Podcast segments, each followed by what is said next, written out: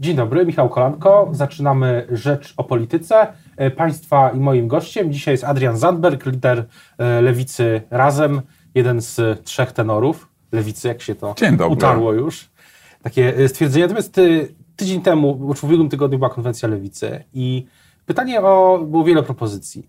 I pytanie o to, skąd Państwo chcecie, gdzie Państwo chcecie znaleźć pieniądze na te pomysły, bo jest ich sporo. E, I są niektóre wyglądają na bardzo kosztowne. One są policzone rozsądnie. Wie pan, gdybym chciał e, być e, złośliwy, to bym powiedział, że odpowiedź na to pytanie udzielił właśnie Mateusz Morawiecki, mówiąc, że mm, polska gospodarka i polski budżet jest w tak dobrej sytuacji, że chce wprowadzić zerowy deficyt. Naszym zdaniem to jest niezbyt rozsądne, że w sytuacji, kiedy są ważne potrzeby społeczne, w chwili, kiedy jest tyle nierozwiązanych spraw w ochronie zdrowia, w mieszkalnictwie, jeżeli chodzi o budżetówkę, żeby podlizywać rynkom finansowym, zamiast rozwiązywać problemy zwykłych ludzi. E, ale te propozycje, ich e, finansowanie to jest e, w, mm, oczywiście przygotowane także na bardziej konserwatywne warianty. A więc to oczywiście istotną rolę odgrywa chomikowana zupełnie w sposób niepotrzebny w tym momencie na tę skalę rezerwa celowa. My uważamy, że te pieniądze powinny trafić do gospodarki, dać tej gospodarce nowy impuls, zwłaszcza jeśli prawdziwe okazałyby się informacje o e, nadchodzącym spowolnieniu gospodarczym. Tym bardziej polska gospodarka potrzebuje tego wewnętrznego e, impulsu, tego wewnętrznego kopa, żebyśmy nie znaleźli się w sytuacji, w której po prostu z, mm, będziemy z. podążać e, z śladem innych gospodarek, nie próbując nawet tego polskiego wzrostu gospodarczego utrzymać. Czyli, czyli nie obawia się pan takich zarzutów, że E, to są zbyt e, kosztowne propozycje w kampanii. No bo... Ale one nie są kosztowne. To jest koszt zbliżony do, e, do tej piątki zaproponowanej przez Prawo i Sprawiedliwość. Różnica polega na tym po prostu, że zajmujemy się sprawami, które PiS zostawił. Sprawami, w których Prawo i Sprawiedliwość po prostu zawiodło.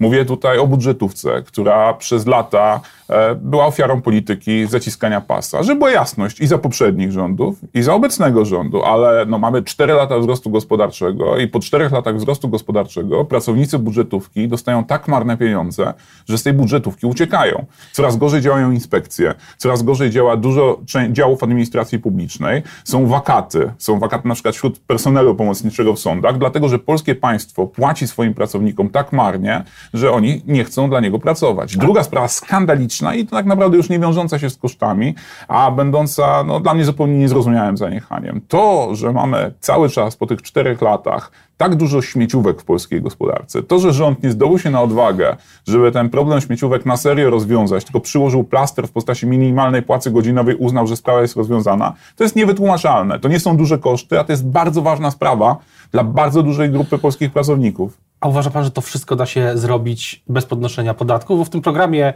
e, dostaliśmy dziennikarze uczestnicy tej konwencji dostali e, taką broszurę z, z kilkunastoma tymi polami mhm. programowymi i tam w podatkach, e, ktoś zauważył też na Twitterze, że tam o podatkach rzeczywiście nie ma tam z, chyba słowa. Da się to zrobić bez podnoszenia podatków na przykład dla najbogatszych? Ja chcę powiedzieć tak. Po pierwsze, podstawowym źródłem finansowania naszego programu jest wzrost gospodarczy. I to, co wiemy po tych czterech latach i w wprowadzaniu programów społecznych e, w postaci 500 plus przez Prawo i Sprawiedliwość, to to, że wzrost, to takie programy wywołują efekt popytowy, a ten efekt popytowy napędza gospodarkę i w pewnej perspektywie czasowej one po prostu się finansują. Ale druga sprawa, o której chcę powiedzieć, to jest to, o czym być może pan tutaj nie wspomniał, że my chcemy wyrównania tego, w jaki sposób państwo podchodzi do podatników, bo dzisiaj mamy sytuację, w której mamy dwie grupy, które są bardzo uprzywilejowane. Jedną z tych grup jest Kościół katolicki, który jest wyłączony z opodatkowania w dużym stopniu. Drugą z tych grup de facto są wielkie międzynarodowe korporacje. Prawo i Sprawiedliwość stchórzyło przed wielkimi korporacjami. E, I to widać, jak się spojrzy na przykład na listę sieci handlowych i przeczyta tam Lidl, e, Auchan, Tesco, Intermarché, Macro Cash Carry. Są wielkie podmioty, które na wielką skalę handlują w Polsce i które odprowadzają do polskiego budżetu równe 0 złotych podatku korporacyjnego. My chcemy przenieść w pewnym stopniu ciężar utrzymania państwa z pracowników drobnych firm i samozatrudnionych na wielki biznes, międzynarodowy biznes, który w Polsce prowadzi, e, prowadzi swoją działalność. I tym się różnimy od PiSu, że lewica nie wymięknie wtedy, no. kiedy zadzwoni telefon z ambasady Stanów Zjednoczonych. No PiS też o tym mówi. Mówił też o korporacjach, e, gigantach cyfrowych. Pamiętam taką e, prezentację, jedną z prezentacji, czy jeden z, jedno z wystąpień premiera Morawieckiego, który też o tym mówił, że że te firmy muszą płacić Tylko podatki. statystyki są bezwzględne. W tym momencie w Polsce z podatków korporacyjnych zbieramy w porównaniu do Europy Zachodniej po prostu proporcjonalnie mniej. My chcemy to zmienić. Naszym zdaniem to jest też kwestia determinacji w walce z rajami podatkowymi i umiejętności współpracy. No i z tą umiejętnością współpracy w przypadku Prawa i Sprawiedliwości jest nie najlepiej, bo żeby naprawdę zawalczyć z wyprowadzaniem pieniędzy do rajów podatkowych, no to trzeba umieć się z innymi dogadać, a polska polityka zagraniczna pod tym względem no, w ostatnich latach, jak wiadomo, nie błyszczy. A co, jest, co będzie osią y, sporu w tej kampanii? Mówił Pan o polityce zagranicznej, o polityce wobec y, korporacji. Y, co będzie osią sporu? Bo jak rozumiem, chodzi Państwu przede wszystkim o spór z PiSem. Ja myślę, że podział, który mamy na polskiej scenie politycznej, e, dotąd, ten, który był dotąd, on służył Prawo i Sprawiedliwości. Bo PiS szantażował wyborców, mówiąc mniej więcej tak. Słuchajcie, mamy teraz wzrost gospodarczy i 500 plus i musicie nas utrzymać przy władzy, bo jeśli nie my, to wróci to, co było. I teraz PiS będzie w kłopocie, ponieważ na scenie jest trzeci silny gracz. Tym silnym graczem jest lewica. Lewica, która nie chce wracać do tego, co było. Lewica, która mówi, my mamy prospołeczny program, prospołeczny program, w którym konkurujemy z Prawem i Sprawiedliwością, lepszy prospołeczny program od Prawa i Sprawiedliwości i jesteśmy demokratami. Dla nas praworządność, dla nas prawa człowieka, dla nas prawa kobiet, dla nas prawa mniejszości, to są rzeczy, które będziemy szanować, które są dla nas ważne. I tym się różnimy. Polska, i to jest nasz bardzo prosty i tak naprawdę jednoznaczny przekaz, może być nowoczesnym państwem dobrobytu. Nie musimy wybierać pomiędzy przeszłością a PiSem. Ale z drugiej strony też y, wydaje się, że Prawo i Sprawiedliwość, co też zwracali na to uwagę komentatorzy, analitycy, y, i idzie w kierunku sporu światopoglądowego. Pamiętam, oglądałem Pana rozmowę z, z profesorem, z doktorem Zbigniewem Giżyńskim e, kilka dni temu i tam pan, panowie bardzo ostro się spierali o arcybiskupa Jędraszewskiego i czy nie ma Pan wrażenia, że jeśli lewica wejdzie w ten E, tor, no to wtedy e, gdzieś te prospołeczne postulaty e, będą w dalszym planie. Lewica to jest chleb i wolność. Lewica to są programy społeczne, ale lewica to są też prawa człowieka. Więc ja chciałem powiedzieć, że dla mnie w takich sprawach, jak na przykład przemoc, do której doszło na ulicach polskich miast, to jest to miejsce, w którym my się nie cofniemy. Będziemy zawsze stawali w obronie ludzi, którzy są bici, bo nie można dopuścić do tego, żeby bandyci na ulicach dyktowali, kto może, a kto nie może korzystać z wolności zgromadzeń. Ludzie na prawicy lubią to określać sprawami światopoglądowymi, a dla mnie to są zupełnie zdroworozsądkowe sprawy. Czyli gdyby powtórzyła się sytuacja z Białego Stoku, to będzie kolejny e, taki marsz, jak, e, czy ta demonstracja, jak wtedy Lewica zorganizowała w Białymstoku? Jak pan sam wie, ten pokojowe zgromadzenie, na którym pokazaliśmy jednoznacznie, że nie ma naszej zgody na przemoc, to było zgromadzenie, które cieszyło się sympatią znacznej większości Polek i Polaków. Także wyborców innych partii, tych partii, które stchórzyły i które nie odważyły się na to, żeby otwarcie i jasno powiedzieć nie dla przemocy. Ja nie wierzę w tę opowieść, którą część skrajnej prawicy sączy, że Polakom podoba się bicie kogoś za to, że jest innej orientacji seksualnej. Uważam, że Polacy odrzucają przemoc. Uważam, że Polacy odrzucają takie zachowania i oczekują od polityków odwagi. Oczekują od polityków tego, żeby w sprawach zupełnie fundamentalnych, sprzeciwu wobec przemocy, praw człowieka, wolności zgromadzeń, umieli stać po stronie demokratycznych wartości, a nie tylko o tym mówić. A myśli pan, że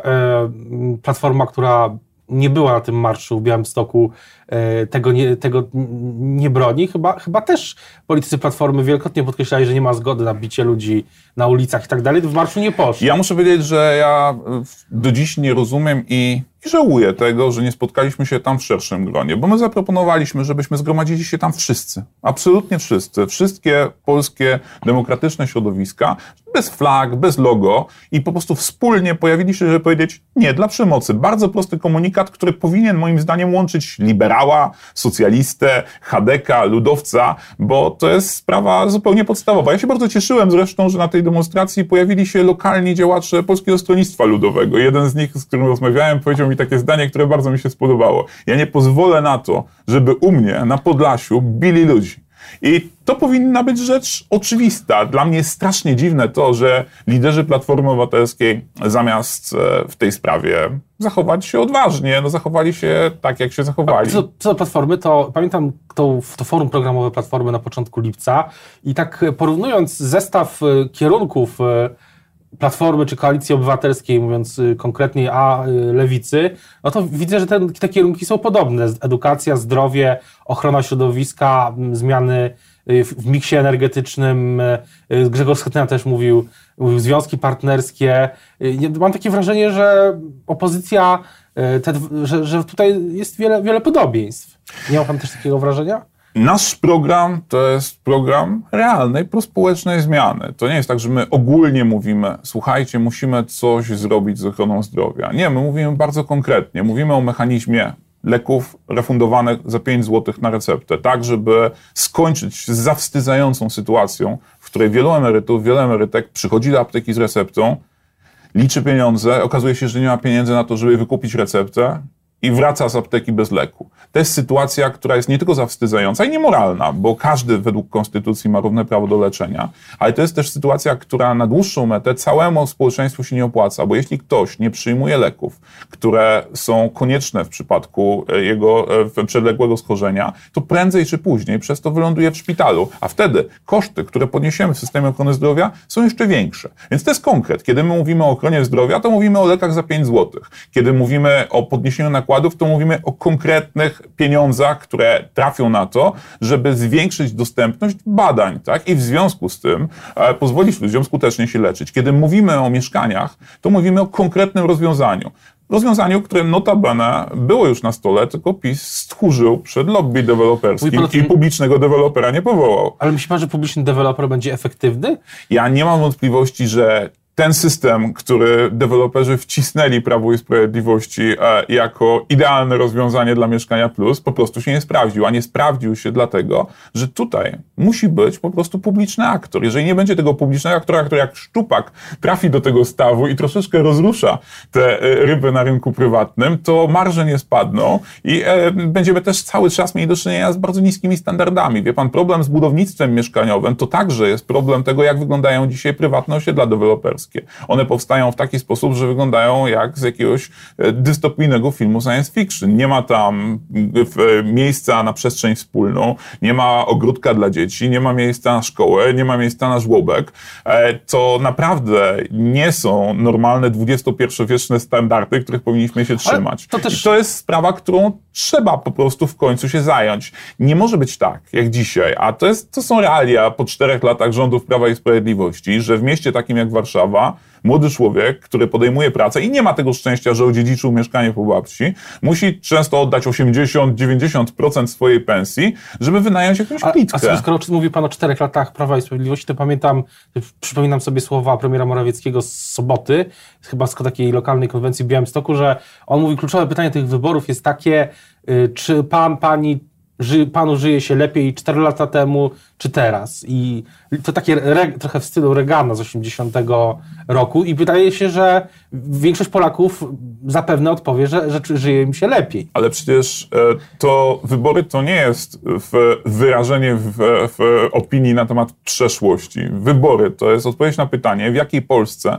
chcemy żyć w 2021, w 2022 roku. I o tym będziemy decydować. I wybór będzie bardzo prosty. PiS mówi, żeby było tak, jak jest. Czyli z jednej strony te umiarkowane programy społeczne, które wdrożył, a z drugiej strony ataki na prawa kobiet, naruszenia praworządności, e, obłędna polityka historyczna i skłócenie się z sąsiadami. No, wśród Platformy Obywatelskiej są sentymenty za światem sprzed 2015 roku, to jest oczywiste, ale jest też trzecia opcja. Opcja, która pozwala nie wybierać między przeszłością a PiSem, tylko pójść do przodu.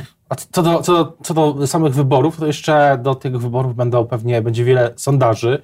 Y, dzisiaj ukazał się kolejny sondaż i Lewica ogólnie ma w tych sondażach kilkanaście, kilkanaście procent, 11, 13, mm, to są te widełki. Ale nie obawia się pan, że kiedy zacznie się ta jesienna kampania we wrześniu już, e, po wizycie Donalda Trumpa, myślę, że to wszystko ruszy z kopyta, że tak się wyrażę, to e, nie będzie tak jak z, na przykład z wiosną, czy że, że lewica wtedy wiosna miała czasami 16%, później spadła, ostatecznie wylądowała na porogu 6%. Jak, jak, jak zatrzymać ten takie mm, przekonanie, że teraz jest dobrze, a później może teraz jest dobrze sondażowo dla lewicy, a później te sondaże mogą spaść. Przecież sam pan widzi, że dynamika jest odwrotna.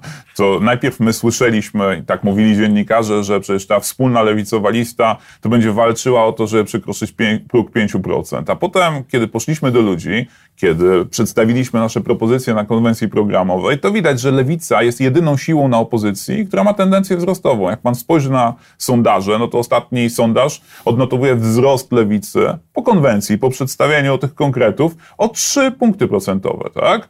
To pokazuje, że dzisiaj na opozycji jest tylko jedna siła, która daje nadzieję, w której ludzie pokładają wiarę w to, że coś może się zmienić i tą siłą dzisiaj na polskiej opozycji jest lewica. A myśli pan, że na koniec pytanie, czy będą, myśli pan, że będzie debata e, jedynek w Warszawie albo debata ogólnie e, sił wszystkich, wszystkich sił? Myśli pan, że do Ja chciałbym, żeby do debaty doszło. My proponujemy taką debatę, proponujemy ją Jarosławowi Kaczyńskiemu, proponujemy ją Grzegorzowi Schetynie, proponujemy ją e, Władysławowi Kośnienkowi-Kamyszowi. E, uważamy, że Polacy, wybierając tej jesieni, komu powierzyć władzę, powinni mieć szansę zobaczyć, jak przedstawiciele tych partii, które konkurują ich głosy, E, wyobrażają sobie przyszłość. E, powinni tę konfrontację po prostu zobaczyć, bo na tym polega demokracja i mam nadzieję, że liderzy innych partii nie przestraszą się debaty, nie uciekną przed debatą, e, tylko będą gotowi przedstawić swoje propozycje Polakom. Lewica jest do tego gotowa, my jesteśmy do debaty gotowi. Tak jak będzie wyglądała kampania, będziemy o tym też wielokrotnie jeszcze mówić. Teraz bardzo dziękuję za rozmowę. Dziękuję Państwu, dziękuję Panu bardzo, Państwa i moim gościem. Dzisiaj był Adrian Zandberg, lider Lewicy Razem. Ja nazywam się Michał Kolanko i zapraszam na Rzecz o Polityce jutro o tej samej porze. Do usłyszenia i do zobaczenia.